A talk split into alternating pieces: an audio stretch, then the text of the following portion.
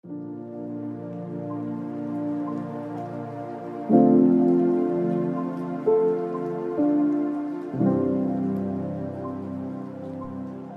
Arjau. Saya Bonita Nenggolan sebagai pemandu podcast satu ini. Sebuah kegiatan, sebuah organisasi yang dimulai dari kegiatan mahasiswa arsitektur Universitas Katolik Parahyangan di Bandung. Umurnya sudah 35 tahun. 35 tahun berkiprah dengan segala cerita, tantangan, rintangan, dan juga harapan. Pengabdian, pembelajaran, juga canda tawa. Tapi apakah arsitektur hijau atau arjau itu sebenarnya?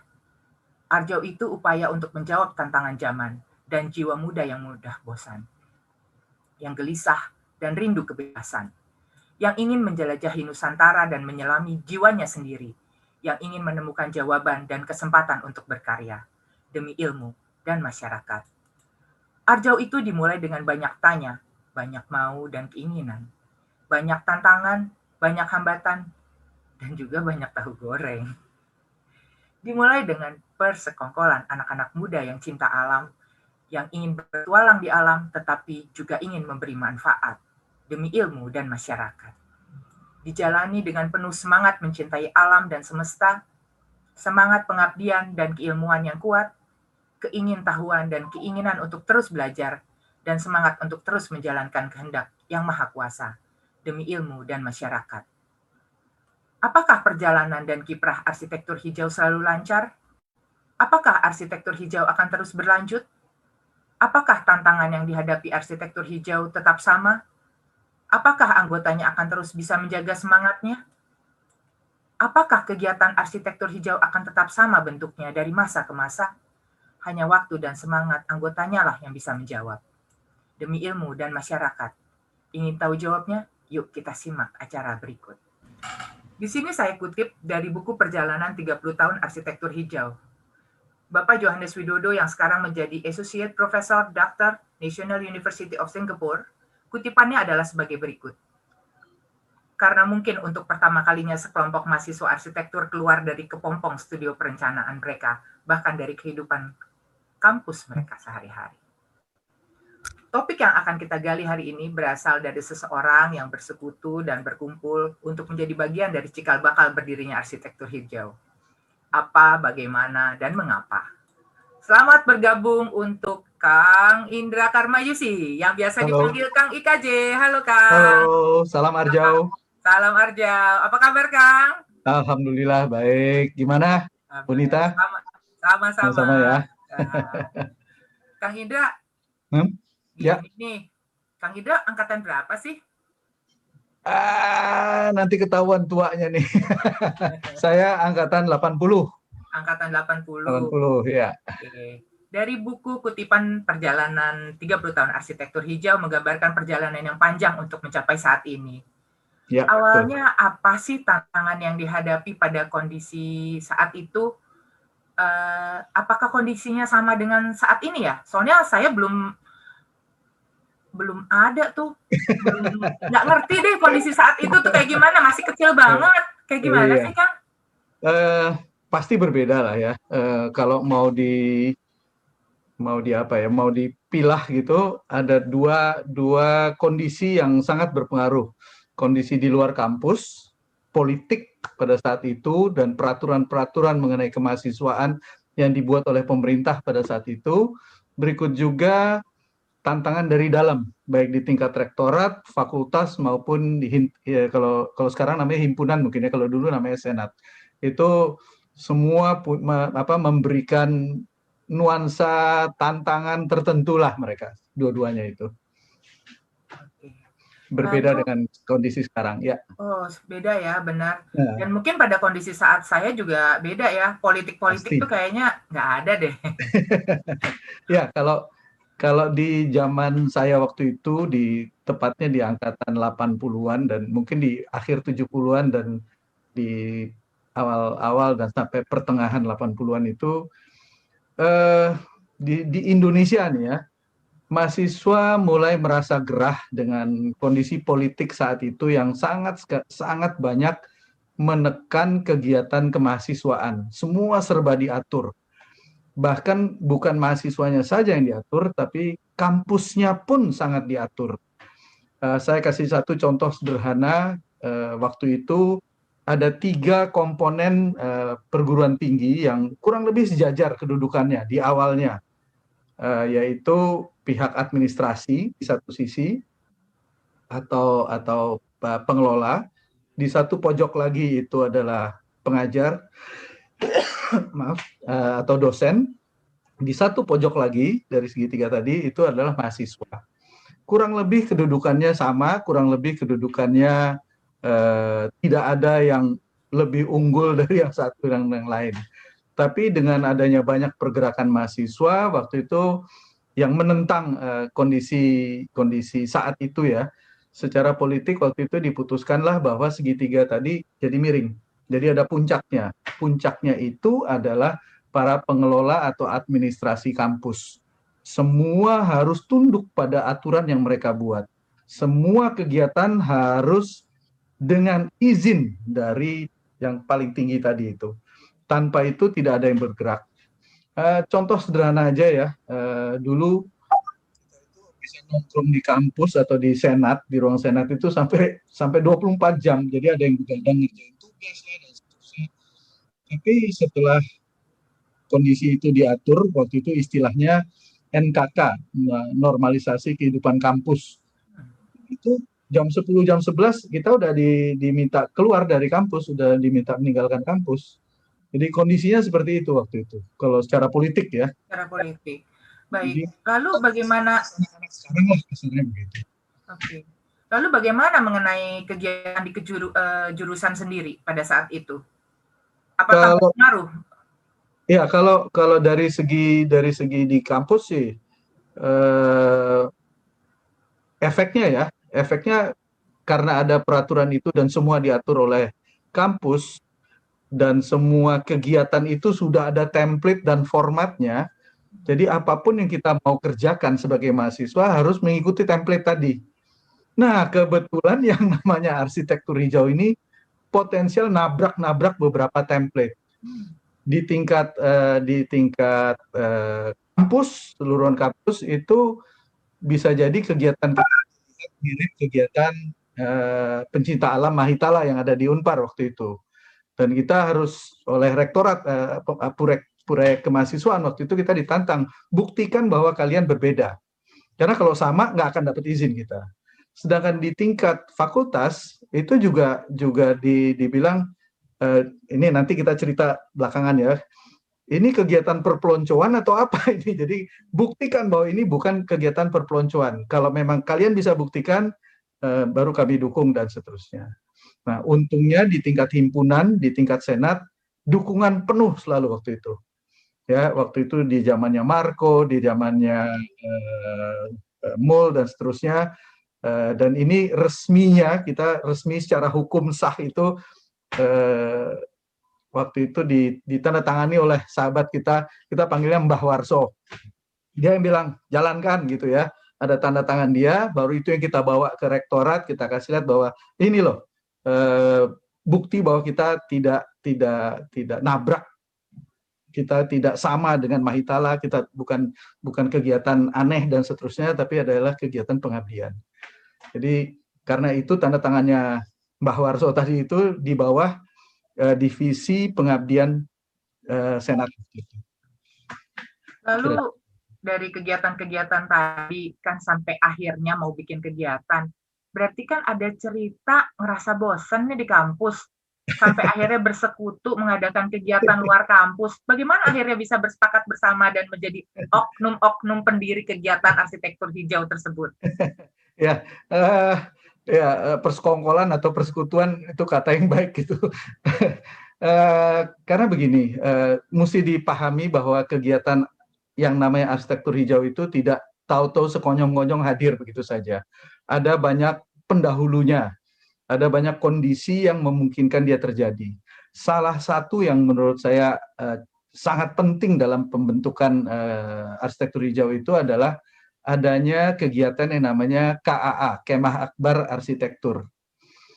Di situ sebetulnya kita awalnya nih ya kegiatan KAA itu adalah kegiatan hura-hura. Kan Bandung ini beda dengan Jakarta. Bandung ini dikelilingi oleh gunung, pohon, udara segar, sejuk dan seterusnya. Jadi maklum aja kalau kalau mau keluar di kampus ya, ya naik gunung. Nah itu kemah akbar itu ya itu eh, naik gunung rame-rame seluruh uh, mahasiswa arsitek diundang kita di sana nyanyi-nyanyi main-main makan kambing gulingnya Mas Kuple ya dan dan seterusnya. Nah mulainya dari situ. Tapi mulai ada beberapa pembicaraan yang yang yang mulai mengarah ke apalagi yang kita bisa berikan, apalagi yang kita bisa bikin di dalam kemah akbar itu. Nah, di situ tantangannya. Nah, langkah pertama waktu itu adalah karena dilarang perpeloncoan, ya kita mengadu, mengadakan perkenalan mahasiswa baru dengan mahasiswa lama itu di kemah akbar. Ya jujur aja itu perpeloncoan tapi sangat terukur.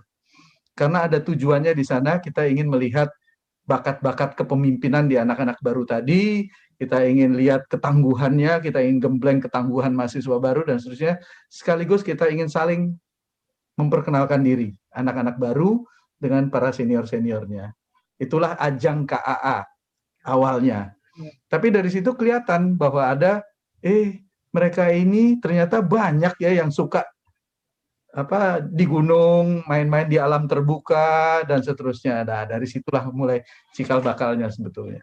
Oke. Jadi awalnya dari kegiatan KAA yang kegiatannya ya kalau kita di Bandung di pegunungan dan hmm. orangnya banyak, akhirnya keinginan bosan itu tersalurkan untuk bikin kegiatan di alam gitu ya, Kang ya. Iya.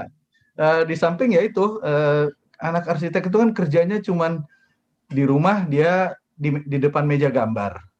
Nanti sampai ke kampus kalau nggak kuliah di depan meja gambar lagi di studio. Ya lama-lama bosen juga, lama-lama penat juga sih akhirnya apa sih yang berbeda da, yang kita bisa lakukan berbeda ya itu naik gunung tadi. Tapi gini ya Kang, itu kan kegiatan pencinta alam.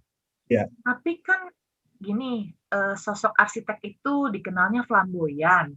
Udah gitu ini di Unpar yang kayaknya dianggap eksklusif gitu. Itu kok tapi ternyata banyak ya yang mau begitu, berkegiatan di alam.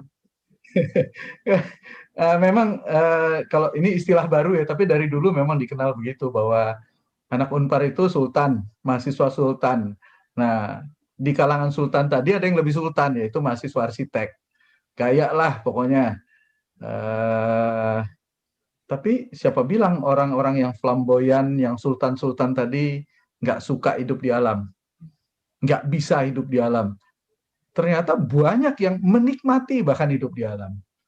Ya dan dan untuk kami itu yang dituduh flamboyan tadi dan hidup di alam tadi sama sekali tidak ada masalah-masalah flamboyan dan seterusnya. Yang penting kita melakukan sesuatu yang kita senangi, yang kita nikmati, tapi di ujungnya ada tambahan nanti itu. Ada manfaatnya. Kira-kira begitu. So, no problem at all. Oke, siap Kang. Menarik sekali. Lalu arsitektur hijau yang berkegiatan ke arah cita alam tadi menjadi hmm. bagian dari pembinaan mahasiswa. Bagaimana posisi arsitektur hijau saat itu di jurusan arsitektur Unpad? Pentingkah? Ah, uh, kalau dibilang begitu, jadi dari KAA itu dia akan bergeser jadi arsitektur hijau ada ada ceritanya juga. Jadi setelah kita bilang setelah kita tahu bahwa eh ternyata kita banyak sekali di antara kita yang suka kegiatan outdoor, suka uh, apa uh, bertualang di alam terbuka dan seterusnya. Tapi ada juga yang ingin yuk kita tambahin maknanya, kita tambahkan manfaatnya dan seterusnya mulai sering ngumpul itu, sering bergerilya. Makanya tadi ada cerita tahu goreng ya itu. Hmm. Tapi karena kita nggak pernah bisa ngumpul sampai malam di kampus, ya kita keliling gerilya itu. Di Puncrut lah, di rumah eh, anggota eh, waktu itu salah satu pendirinya almarhum Yanti itu eh, kita ngumpul dan dan ada kelompok anak gunung yang bilang kita mesti bikin kegiatan seperti ini, ada kelompok yang pemikir-pemikir uh, ini kita mesti tambahkan ini uh, apa masalah kearsitekturan dan seterusnya. Ada kelompok penggembira juga ada. Oh. Ya yang yang yang kalau nggak ada mereka mungkin bubar udah dari awalnya gitu ya yang yang bikin hura-hura dan seterusnya. Tapi itu dimulai ngumpul ngumpul ngumpul ngumpul dan, dan jadi suatu suatu kegiatan yang memang menantang tapi juga memberi kesempatan banyak untuk mengabdi.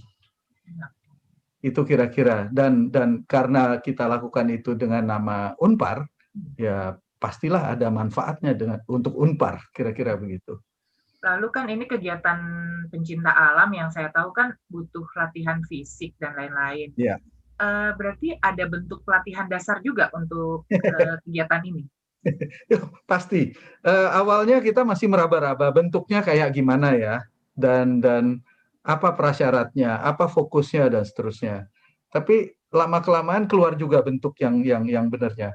Jadi begini, uh, latihan dasar itu bukan seperti latihan dasar pencinta alam yang pada umumnya di mana digembleng habis-habisan nanti ada yang rontok di tengah jalan dan seterusnya kita uh, arsitektur hijau nggak begitu tujuan utama uh, latihan dasar itu adalah uh, pembinaan dan uh, apa ya pe, kita memberikan ilmu atau mempersiapkan mereka untuk untuk modal dasar untuk modal dasar jadi bekal dasar mereka jadi intinya adalah sederhana.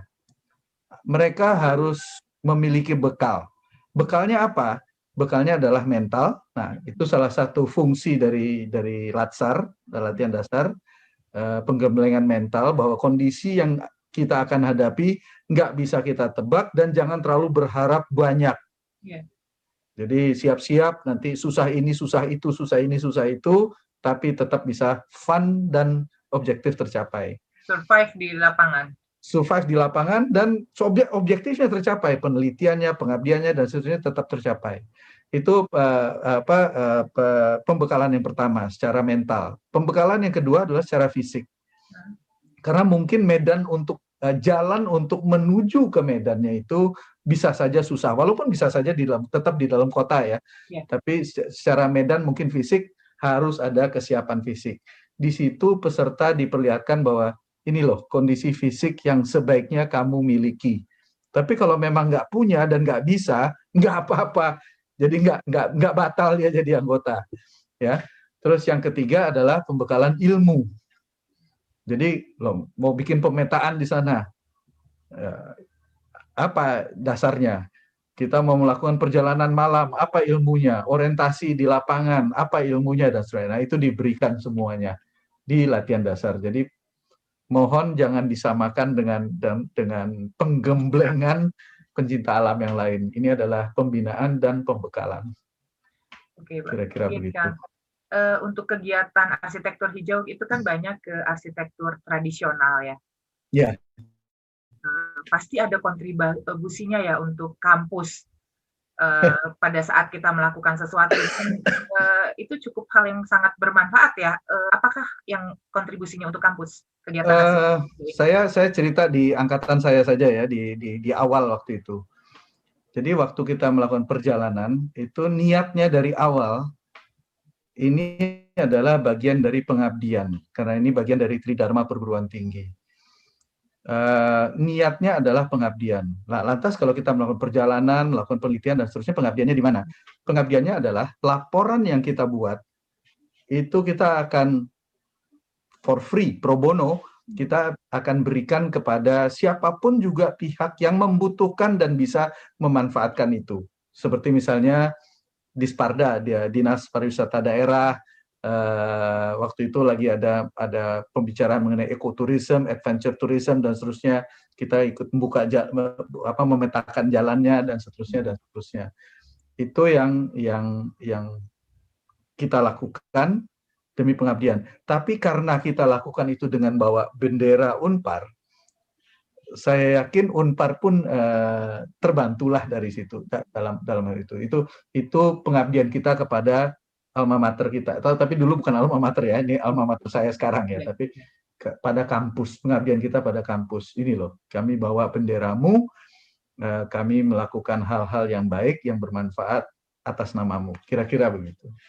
Berarti terjawab ya tantangan dari universitas yang dari awal pada saat kondisi politik yes, tadi. exactly. Dengan uh, kita bukan mahitalah, kita ya. nggak naik tebing apa segala lah enggak walaupun di di ada perjalanan naik kapal ada perjalanan nyebrang rawa ada perjalanan nebas hutan dan seterusnya Yes, tapi kita bukan pencipta alam. Ya. Kita adalah Jadi, kegiatan ya. pengabdian. Jadi boleh sombong juga ya Kang bahwa arsitek ini sangat kreatif ya Kang ya. Mesti dong, karena potensinya justru di intelektualitasnya, bukan di ototnya sebetulnya. Okay. Uh, eh, ini kalau boleh saya tambah sedikit ya, uh, cerita yang politik tadi. Um, dulu itu uh, ada inisiatif dari pemerintah atau peraturan dari pemerintah yang mengatakan bahwa sekali setahun mahasiswa di semester tertentu itu harus ke daerah dan harus melakukan kegiatan pengabdian masyarakat. Nah, biasanya kegiatannya itu berupa uh, pembenahan uh, got, saluran air, betul-betulin ini itu di kampung dan seterusnya, penyuluhan dan seterusnya. Uh, bagi anak-anak arsitektur Unpar itu pertama kurang menantang, kedua tidak menjawab yang tadi uh, Bonita bilang kreativitas dan uh, dan kemampuan intelektualitas mereka. Jadi apa dong kegiatan yang paling cocok ya itu jawabannya ya arsitektur hijau tadi itu karena di situ eh, kita dipaksa untuk melihat kondisi di lingkungan sana, mempelajarinya, mempelajari budayanya, mempelajari manusianya, dan mempelajari arsitektur dan lingkungannya. Jadi seluruh ilmu kita kita kerahkan di sana dalam kondisi yang serba menantang dan serba terbatas. Ya kalau kalau kami waktu pertama kali itu nggak punya teodolit, modal itu cuman punya kompas yang di kompas tembak gitu, eh, sama itu pita ukur. Modal kami cuman itu waktu itu. Tapi tetap mesti berjalan. Biasanya nih Kang, kalau ada satu kelompok-kelompok kan punya logo nih. Logo Arjau oh. ini kan menarik. Berarti kan kalau dari saya dengar dari ceritanya awal kampus dan lain-lain, eh, dan arsitek juga uh, sepertinya gabungan dari semuanya itu ya Kang. Boleh iya, cerita betul. mengenai logo ini? kebetulan logo itu kebetulan saya yang yang coret-coret. Wah, pas sekali nih kita nanya. uh, jadi waktu kegiatannya udah mulai terbentuk, nilai-nilai yang kita ingin uh, apa kedepankan sudah mulai ada. Saya juga udah mulai paham apa itu arsitektur hijau ya, yang idealnya maunya kayak gimana. Uh, saya memberanikan diri untuknya udah saya saya coba coret-coret. Eh, saya pulang pulang sekitar jam jam 12 siang pulang ke tempat kos saya selesai ibadah saya mulai coret-coret. Persis di depan saya di di samping mesin gambar itu ada karton ada gambaran Vitruvian Man-nya Leonardo da Vinci yang tangannya begini-begini itu saya bilang eh menarik juga ya tapi kalau saya ambil ini nggak orisinil di samping gambar itu ada buku antropometri yang gambarnya kalau kita lihat itu mirip benar ya dengan orang yang ada di logo itu. Saya bilang, nah, saya ambil ini, tapi saya coba berikan makna. Nah, kita lihat sekarang. Itu kan gambar pertama, bagian pertamanya itu ada lingkaran. Lingkaran itu menandakan kesempurnaan. Dan cuma ada satu yang sempurna di alam semesta ini, yaitu yang ilahi, yang ma maha menguasai. Maha, nah itu dia logonya persis persis sekali.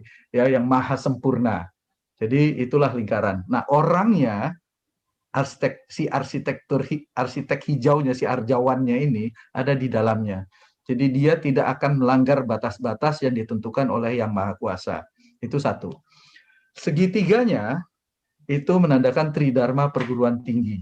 Masih ingat pengabdian pada ilmu, penelitian dan pengabdian pada masyarakat. Itu tiga tiga sisi dari uh, Tridana Perguruan Tinggi. Kebetulan pula cocok dengan logonya Unpar. Iya. Ya, uh, apa tuh istilahnya? Uh, kok jadi saya lupa malahan. Saya juga jadi lupa. Uh, baku, ah, Bakuning Hyang, uh, Santiaya Bakti, Meriguna dan seterusnya. Itu semuanya pengabdian dalam dalam bentuk penelitian dan pada masyarakat. Dan itu itu ada semua di, di, di segitiga tadi itu. Nah, itu segitiganya. Kalau orangnya sekarang, orangnya yang paling mencolok adalah dadanya. Kalau diperhatikan benar-benar dadanya itu berupa buku. Jadi semangat yang membawa kita ke daerah-daerah terpencil ada tuh di, di, di gambarnya itu ya. Itu semangatnya adalah semangat keilmuan. Jadi demi ilmu itu kredo pertama dari arsitektur hijau tuh demi eh, eh demi demi ilmu kan yang berikutnya demi masyarakat. Nah, tangan yang ke sampingnya itu adalah dia harus realistis dalam berkiprah. Dia harus menjangkau masyarakat, menjangkau sesama dan seterusnya. Jadi sejajar. Itu kredo yang keduanya demi ilmu dan masyarakat. Ya, tapi tangannya juga yang ke atas tadi, yang satu di atas ini yang berpegang pada lingkarannya itu adalah dia tidak boleh lupa akan amanat yang diberikan oleh Yang Maha Kuasa yaitu harus mengabdi kepada sesama, menyayangi sesama dan seterusnya. Jadi syarat dengan dengan dengan apa ya dengan dengan nilai-nilai gambar itu. Semoga semoga sampai sekarang uh, Arjau itu bisa bisa hidup sesuai dengan nilai-nilai tadi. Berarti Kira -kira saya begitu. ucapkan terima kasih untuk logo tersebut karena maknanya sangat besar buat kita semua ya Kang. Dan berat sih, berat. berat ya, sangat berat. Itu salut saya seperti itu. Uh, lalu kalau untuk warna hijau dan oranyenya itu apa? Uh, itu saya nggak terlibat tuh, tapi oh. kurang lebih ya arsitektur hijau masa nggak ada hijaunya. Yeah. Ya, tapi sederhananya oranye itu kalau kita ada di alam, alam bebas ya. dan seterusnya, pada saat keadaan di mana kita nggak bisa dalam keadaan darurat ya. dan seterusnya, warna oranye itu termasuk warna yang gampang terlihat dari jauh. Jadi tinggal dibalik, kita tinggal kibar-kibarkan dan seterusnya dan seterusnya. Jadi kalau dua sisinya hijau, kita di tengah hutan agak susah juga orang lihat kita. Kurang ya. lebih simpelnya begitu. Berarti mengenai kita survive di alam itu yang tadi orange tadi ya. ya tapi saya juga mesti bilang ini ini pesan dari dari uh, salah satu pendirinya uh, Kang Marco itu dia bilang bahwa ini belum tentu loh kegiatannya harus di daerah terpencil di atas gunung di pinggir danau dan seterusnya. Bisa saja ada suatu kampung yang kumuh yang ada di depan mata kita di tengah kota misalnya. Ya bisa saja jadi nggak usah ter, nggak tertutup kemungkinan bahwa kita akan ke sana gitu. Kira-kira begitu. Yang pasti demi ilmu dan masyarakat. The, yang penting demi ilmu dan masyarakat. Lalu ini mengenai bagaimana posisi senior. Lalu kan setelah lulus masih tetap jadi anggota arsitektur hijau ya. Anggota arsitektur hijau itu bukannya kelompok minat mahasiswa, tapi kok bisa sampai lulus ya? ya? Gimana ya Kang? Ini ini memang waktu awal terus terang kita nggak kepikiran itu, tapi setelah beberapa generasi mulai dibicarakan dan ternyata kesimpulannya sederhana. Sekali jadi anggota, seumur hidup jadi anggota. Nah, saya cerita sedikit mengenai yang jadi anggota ya. Jadi begitu dia mendaftar untuk ikut, sebetulnya dia sudah menjadi anggota. Ya, apalagi nanti dia sudah ikut latihan dasar dia sudah jadi sudah jadi anggota. Walaupun yang uh, di tengah jalan terpaksa berhenti dari latihan dasar, tetap dia jadi anggota. Cuman kalau dia sudah selesai latihan dasar dan ikut ekspedisi, sudah selesai buat laporan dan seterusnya, baru dia dapat NRP. Jadi ada anggota non NRP, ada anggota NRP. Nah, NRP itulah yang dia pegang seumur uh, hidupnya, sepanjang hayat dia. Jadi saya punya, uh, Kang Mul punya, semua semua punya itu uh, apa nomor NRP-nya seumur hidup. Jadi dia dengan statusnya anggota seumur hidup boleh mengikuti tentunya dengan seizin pengurus ya, mengikuti dan terlibat segala uh, kegiatan arsitektur hijau yang ada di kampus kecuali memilih ketua arsitektur hijau. Karena ketua itu itu adalah mahasiswa ya? Mahasiswa. Makanya ada istilah nggak tahu saya ini istilah tepat apa enggak ada istilah arsitektur atau arjau kampus ada arjau non kampus untuk menandakan yang yang ini udah udah nggak hidup di kampus lagi kira-kira begitu. Jadi kita tidak ada istilah senior dan junior tapi hanya kampus dan non kampus. Non kampus. Nah ini kan tadi juga kan pasti eh, kita ada generasi yang cukup jauh ya Kang ya. Hmm. Mungkin sekarang ini 35 tahun kan usianya yeah. dari anggota pertama dan anggota yang baru. Hmm. Uh, sebutan kita kan tetap yang kalau masih rentang waktunya dekat adalah Kang atau Teteh ya, supaya kita mendekatkan jarak. Nah, lalu bagaimana kontribusi para senior dalam kegiatan Arjau Kampus nih? Uh, Saya saya lihat sederhana, semangatnya kan nggak hilang, tapi dia udah nggak tinggal di kampus lagi, dia sudah nggak berkiprah di kampus lagi. Jadi walaupun dia berkiprah, berprofesi atau apa pun juga kegiatannya di luar kampus, selama api arsitektur hijaunya itu masih menyala, dia bisa bantu. Dan minimal ada dua yayasan yang saya tahu eh, yang yang anggotanya dan pendirinya adalah para uh, anggota arsitektur hijau yang sudah ya. lulus kuliah uh, seperti misalnya Yahintara dan dan Pena Arjau itu mereka uh, penuh dengan kegiatan yang erat dengan arsitektur hijau. Misalnya mereka Uh, kalau arsitektur hijau kampus akan mengadakan suatu acara atau suatu ekspedisi atau pameran atau apa pun juga kegiatannya butuh dana, nah para para anggota yayasan ini bisa mencarikan dana atau uh, menghubungkan mereka dengan sumber dana dan seterusnya. Atau juga bisa menjadi masukan-masukan bagi kegiatan, memberi masukan bagi kegiatan-kegiatan arsitektur hijau yang di kampus. Atau juga bisa memberikan uh, apa ya peluang. Jadi eh di sana tuh bagus tuh. Kalian coba deh uh, ekspedisi ke daerah sana dan seterusnya. Karena kebetulan Eh, dia di, di di luar kampus itu bisa melihat lebih banyak dan tidak disibukkan oleh uh, studio dan seterusnya. Jadi matanya bisa lebih ngelihat ke mana-mana, kira-kira begitu. Nah, lalu kan tadi uh, Kang Ikaji sebutkan mengenai ekspedisi, Kang. Ya. Uh, peran untuk Arjau non kampus uh-huh. itu berlangsung pada saat ekspedisi atau pada saat laporan. Apakah ada peran sertanya juga? Oh, ada di mana-mana. Jadi kalau kita memang ya dengan seizin uh, panitia ekspedisi dan seterusnya uh, kita bisa bantu di awal persiapan dan seterusnya. Bahkan ada beberapa teman-teman saya, rekan-rekan saya itu yang jadi pelatih, ikut jadi pelatih. Uh, saya kasih contoh nih baru-baru ini aja nih, angkatan terakhir ini nih uh, di Latsar yang terakhir. Uh, kalau nggak salah ada di grup ini nih kita lagi di Kang Bahrun. Beliau ini adalah salah satu ahli pemetaan, ahli pemetaan dengan cara digital. Ya di Indonesia cara uh, nggak ya. banyak dan iya. Nah kekinian. dia baru baru kemarin kemarin dia memberikan uh, mata kuliah pemetaan uh, bagi kawan-kawan yang baru bergabung dengan arsitektur hijau. Jadi di awal bisa, di tengah jalan juga bisa, dia bisa ikut bahkan eh, apa ikut dalam perjalanan, ikut dalam ekspedisi, memberikan masukan di lapangan dan seterusnya.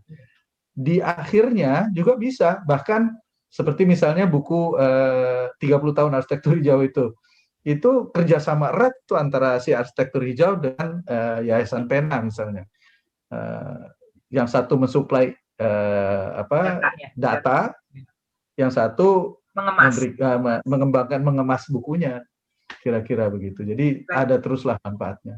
Berarti panjang juga ya tadi ada panjang, nggak habis-habis. Tergantung apinya nih, tergantung apinya yang di dadanya. Jadi makanya keanggotaannya itu benar-benar sih uh, seumur hidup karena kontribusinya panjang ya kan. Dari ya, nggak habis-habis. Ya dari latdas, uh, lalu ekspedisi, ekspedisi sampai laporan, dengan kegiatan laporan. Ya sampai Betul. terpublikasi ke masyarakat ya kan? Yes, uh, sekarang ini bahkan udah berubah menjadi karena COVID dan seterusnya pamerannya juga pameran virtual dan seterusnya ya. itu uh, kalau nggak salah terakhir itu ada pameran di Mamasa. salah satu uh, tempat alumnus. Ya. Jadi dia punya kebetulan punya kafe ya dia oh, dia di, pajang di, situ dan seterusnya. Ya. Kang Kang A, ya, ya. kopi eh, kopi Manyar ya, ya kopi manyar. Ya itu itu kan bentuk kesinambungan antara kehidupan di kampus dia sampai dia selesai. Kira-kira begitu. Sangat menarik. Jadi uh, Arjaunya juga tidak pernah berhenti. Kegiatannya ya. terus berjalan. Dan antara Arjau non kampus dan kampus masih tetap bisa berdialog ya. Saling support ya, ya Kang ya. Itu itu uh, nggak tahu ya. Itu mungkin karena uh, budaya latsar, budaya ekspedisi dan seterusnya membuat itu begitu. Jadi eh, ada fokusnya, ada ada ada kegiatan yang yang yang dituju, ada keberhasilan bersama yang sudah disepakati. uh, istilahnya ada kebersamaan yang dari awal sudah di, ditetapkan. Nah, kebersamaan itulah yang ke bawah terus, ya dan nggak ada karena nggak ada masalah lulus atau dan seterusnya itu nggak ada. Saya kan lebih senior dari kamu, iya. ya nggak ada kayak gitu. Yang ada adalah kebersamaan, kesatuan dan seterusnya. Ini ini saya rasa salah satu kelebihan terbesar. Tapi mungkin ini sorry ya, saya mundur sedikit ya. ya. Mungkin itu juga terbentuk karena waktu kita mahasiswa, kebetulan anak mahasiswa, mahasiswa arsitek ini agak unik posisinya di di kampus. Ya. Ya. Menarik, uh, boleh nih kita dengarkan. agak unik karena begini, eh, anak-anak arsitek itu jumlahnya nggak pernah banyak. Angkatan saya itu paling banyak 87 orang. Ya sekarang mungkin bisa sampai 200 ya. Tapi dulu waktu kita menjelang berdiri ini anak-anak arsitek itu nggak pernah dari 70, 60, 80 ya. Nah, di acara di segala acara kita selalu kalah jumlah. Hmm. Jadi kalau mau bikin berisik, kita pasti kalah berisik. Hmm. Ya, kalau mau adu eksistensi, kita pasti kalah. Hmm. Nah, salah satu contohnya waktu itu di hari terakhir, salah satu hari terakhir pembinaan mahasiswa baru oleh kampus ini belum belum penggojlokan oleh oleh senior seniornya di fakultas ya. Oh jadi belum ospek nih. Iya. kita dikumpulin di dulu dulu masih saya nggak tahu sekarang masih ada apa enggak tuh. Ada lapangan di samping GSG eh, Gedung Serbaguna. Kita dikumpulin semua tuh mahasiswa mahasiswa baru baru tuh eh, pakai baju putih-putih, yang perempuan pakai kuncir-kuncir dan seterusnya dikelompokin ini anak arsitek, anak sipil, anak uh, fisip, anak uh, hukum dan seterusnya. Dan masing-masing diberi kesempatan untuk meneriakan yel-yelnya. Hukum, gua teriak mereka, ada yel-yelnya. Waduh, menggema, membahana, kasarnya begitu. Jumlahnya banyak, ratusan. Fisip juga begitu, ekonomi juga begitu. Sipil jumlahnya nggak terlalu banyak, tapi lebih banyak dari arsitek. Cuman sebagian besar laki, Hmm. Jadi kalau teriak itu keras juga.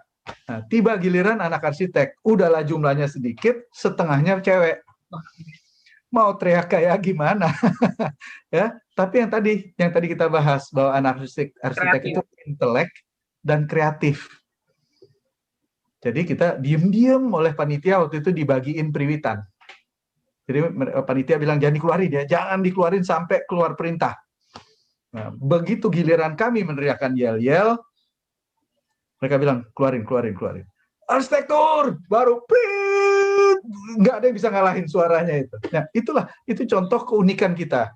Belum lagi kita beberapa kali berbenturan dengan uh, Menwa misalnya, karena kegiatan dia ada yang mengganggu studio, kita protes, kita kita termasuk kelompok mahasiswa yang cukup sering memprotes kegiatan lain yang ada di kampus. Ya, sempat ribut sama Purek dan seterusnya. Uh, tapi itu yang membuat kita menjadi satu. Kebersamaan itu yang membuat kita dan itu terbawa di arsitektur hijau sampai lulus keunikannya itu.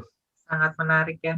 Makanya kita kompak ada juga tempat kumpul yang disebut bursa ya mungkin sekarang sudah iya. tidak ada di sana kan berkumpul uh, angkatan lima angkatan ke atas lima angkatan ke bawah gitu ya kan iya saya dulu di di di ruang dulu namanya ruang senat ya oh, di iya. ruang senat itu ada ada meja karambol di situ selalu ada yang main karambol ada yang lagi bongkar mesin tik waktu itu masih pakai mesin tik yang gede itu ada yang bongkar itu teman saya ada yang bicara mengenai organisasi ada yang merencanakan camping atau apa semua di ruangan itu dan no problem nggak ada yang merasa ini ruangan saya ya. selalu semua merasa ini ruangan kami ini rumahku kira-kira begitu. Keren juga.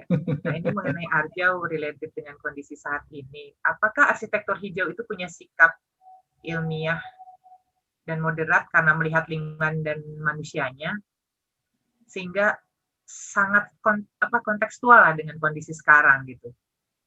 Ya, ini ini menarik ya karena uh, dimulai dengan kegiatan-kegiatan uh, anak-anak mahasiswa arsitektur Unpar yang menikmati hidup di alam terbuka, gemar uh, apa bertualang di alam terbuka dan seterusnya. Uh, istilah istilah kerennya pencinta alam saya yakin kondisinya sudah berubah. Kalau dulu sekedar bisa camping sudah jadi pencinta alam dia. Ya, sekedar bisa bikin api unggun atau menikmati api unggun, oh ada jadi pencinta alam dia. Tantangannya sudah berbeda sekarang. Kalau kata salah satu uh, apa uh, uh, salah satu pendiri Kang Marco itu dia bilang tantangannya sekarang bukan mencintai alam lagi karena alamnya sudah dalam kondisi krisis. Jadi mungkin itu nanti ke sana arah perubahannya bagaimana uh, menyikapi alam yang dalam keadaan krisis menyikapi perkampungan-kampungan ter terpencil yang sudah mengalami apa ya benturan dengan modernisme dan seterusnya dan seterusnya. Jadi tantangannya ke sana nanti mungkin loh mungkin. Ya tadi yang tadi sampaikan juga bahwa kita tidak usah jauh-jauh ya dari lingkungan terdekat kita saja. Ya. Exactly, exactly. Saya kasih contoh dulu ya. Dulu di KAA itu ada kegiatan yang namanya klinik arsitek.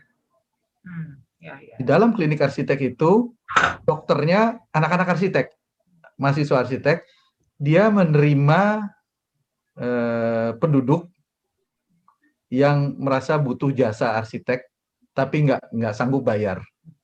Nah mereka. Terus apa yang terjadi?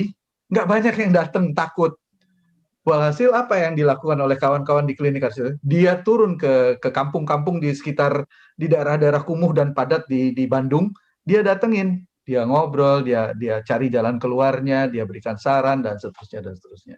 Itu itu semua semangat yang kayak gitu keunikan kita bahwa kita kecil apa segala kumpul-kumpul kumpul jadilah yang namanya arsitektur hijau. ya, dan juga yang uh, dalam kondisi bencana sekarang juga banyak ya keterlibatan eh, anggota arsitektur hijau non kampus ya, Kang. Ya, uh, ya, ini tergantung kesempatan ya, kesempatan dan uh, semangatnya sih saya yakin ada. Kayak uh, salah satu rekan kita nih, salah satu pimpinannya Green Building Indonesia Council, Council Indonesia GB, GB, GBI kalau nggak salah. Ya dia dia sekarang tetap masih semangatnya hijau. Eh lebih gila lagi dia ketemu klien yang ex eh, yang yang yang sudah besar ternyata ex Arjau dan me menerapkan apa yang dia pelajari di Arjau. Jadi, waduh itu nyambung hampir nggak terbatas gitu ceritanya jadinya. Jadi sebenarnya bisa juga dibilang kayak kita dicuci otak ya Kang. Tapi untuk yang kebaikan. iya, demi kebaikan dan bukan itu menawarkan diri untuk dicuci otak. Gitu. Iya, betul, betul, betul. Jadi nggak dipaksa, tapi menawarkan diri, eh cuci dong otak saya iya, supaya betul. lebih bersih gitu. Sangat menarik ya, Kang. Iya. Uh, jadi kegiatannya itu jalan-jalan, tadi ekspedisi, iya. menghibur diri juga, iya. tapi berbagi ilmu juga demi, iya. demi masyarakat juga, dan Persis. kita tetap ada keilmuan arsitekturnya ya. Iya arsitekturnya dapat, happy-happy-nya dapat, uh, belajarnya dapat, pengabdiannya dapat, apalagi mau apa lagi? Bermanfaat. Bermanfaat. Selesai Bermanfaat. sudah. Ini ada beberapa uh, pertanyaan-pertanyaan untuk uh, untuk dijawab pendek kan sedikit aja. Uh, uh. Apakah Arjau itu 35 tahun? Dulu tuh kepikir nggak sih bisa panjang? Enggak sama sekali nggak kepikiran. Saya terus terang mikir, uh, ah ini paling-paling nanti nasibnya kayak Kemah Akbar ya, setelah kelima, keenam uh, berubah bentuk, mungkin nggak hilang tapi berubah bentuk. Terus terang saya uh, agak lama meninggalkan kampus, uh, kerja dan seterusnya. Waktu balik saya lihat, eh masih hidup, eh tambah banyak kegiatannya. Kagum saya benar-benar. Oke Kang, mengikuti juga cerita periode tersiok-sioknya Arjau gak sih? Uh, ya pastilah kita yang namanya juga organisasi pasti ada naik turunnya.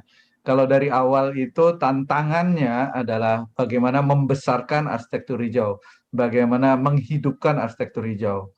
Di tahap berikutnya tantangannya adalah bagaimana mempertahankan arsitektur hijau dan tumbuh kembang arsitektur hijau dengan banyak prestasi dan seterusnya. Tapi yang namanya organisasi ada masa paceklik karena satu dan lain hal perubahan uh, situasi di kampus, whatever it is, uh, minat turun dan dan juga uh, arsitektur hijau tidak banyak bisa memberikan jawaban atau perubahan terhadap atau sikap terhadap perubahan yang terjadi di kampus, ya peminatnya jadi turun. Nah, saya salut ini sama pengurus yang pada masa itu yang mungkin anggotanya cuma sejumlah jari di satu tangan saja gitu, tapi mereka bisa bangkit lagi dan terus bertahan sampai sekarang. Kalau dengar cerita-ceritanya nanti kita ngobrol lain waktu tuh ya. Uh, beberapa kali itu kejadiannya dan selalu bisa bangkit. Nah itu patut di, diajak ngobrol tuh orang-orang itu. Ini untuk saya orang-orang hebat. Ya. Dan tantangan yang terakhir adalah uh, mengenai COVID-19 ini. Banyak kegiatan yang harus berubah bentuk dan disikapi dengan dengan tenang oleh angkatan barunya. Uh, mereka bikin uh, apa pameran virtual lah dan seterusnya. Salut saya karena mereka bisa memanfaatkan kondisi dan segala tool yang ada di mereka dengan segala perlengkapan peralatan uh, digital yang ada mereka bisa tetap survive dan tetap tumbuh dengan inovatif. Untuk arsitektur hijau angkatan periode 2020 ini ya? Iya, eh, luar biasa lah.